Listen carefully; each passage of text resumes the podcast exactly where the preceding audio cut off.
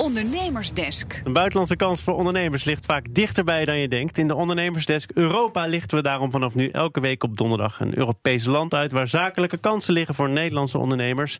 En dat doen we samen met de RVO, de Rijksdienst voor Ondernemend Nederland. In opdracht van het ministerie van Buitenlandse Zaken struinen ze daar het buitenland af voor die ondernemers. Vandaag reizen we af naar België.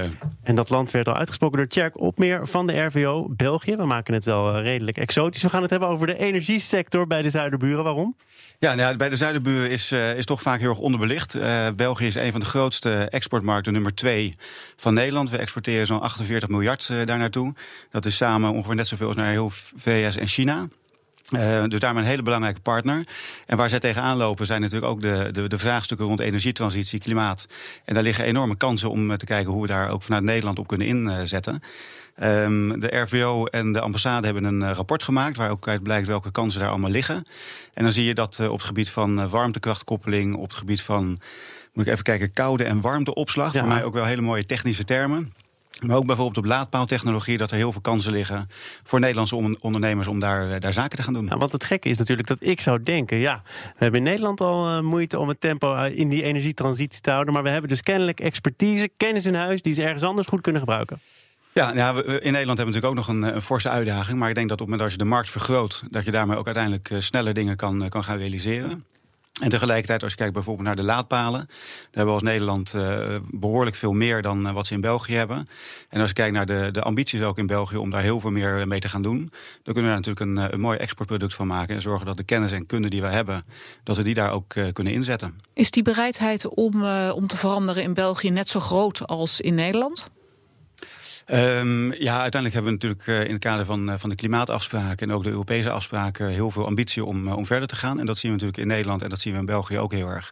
Dus we zijn ook hard aan mee bezig. Ik begreep ook, dat staat ook in het rapport, dat ze bijvoorbeeld aangeven voor, voor laadpalen dat er een, een, een mogelijkheid is op het moment als er niet binnen 500 meter van jouw locatie geen laadpaal is, dat die dan kan worden aangelegd. Nou, dat biedt natuurlijk ook weer kansen voor Nederlandse ondernemers.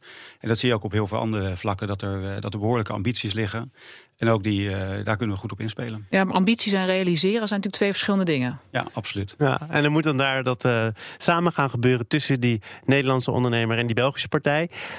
We denken dat we elkaar goed kennen, liggen dicht bij elkaar in de buurt. Zijn er nog zaken waar je echt uh, extra aandacht aan moet besteden als je om de tafel gaat met een Belgisch bedrijf? Ja, ja, absoluut. Want dat is toch iets wat we vaak vergeten. België en Nederland liggen dicht bij elkaar. Uh, maar we zijn toch hele andere, andere mensen, hele andere ondernemers. En wat je bijvoorbeeld ziet, is dat we in Nederland denken van nou, innovatie, dat is mooi, dat is gaaf. Dus een innovatief product, daar ga je, uh, ga je mee verder.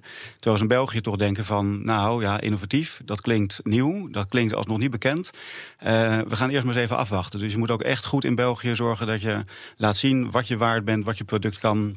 Dat is precies waarom ik vroeg, uh, is die bereidheid even groot? Want dat was ook mijn beleving van, van hoe, hoe België daarin zit. Is dat Be Belgische mensen misschien wat minder Iets openstaan meer, uh, voor uh, verandering dan die, Nederlanders? Ja, Belgen zoeken zeker, zekerheid. en daarin is het ook heel erg van belang op het als je daar zaken wil gaan doen... dat je ook echt laat zien wat je kan, dat je het kan. En dat je ook, een, nou, ook, ook je aanpast aan de manier van, van zaken doen in België. Dus ook bijvoorbeeld meegaat in de cultuur van een lunch en eerst eens verkennen en eerst de relatie opbouwen. En dat je vervolgens ook uh, daarna er verder op in kan gaan.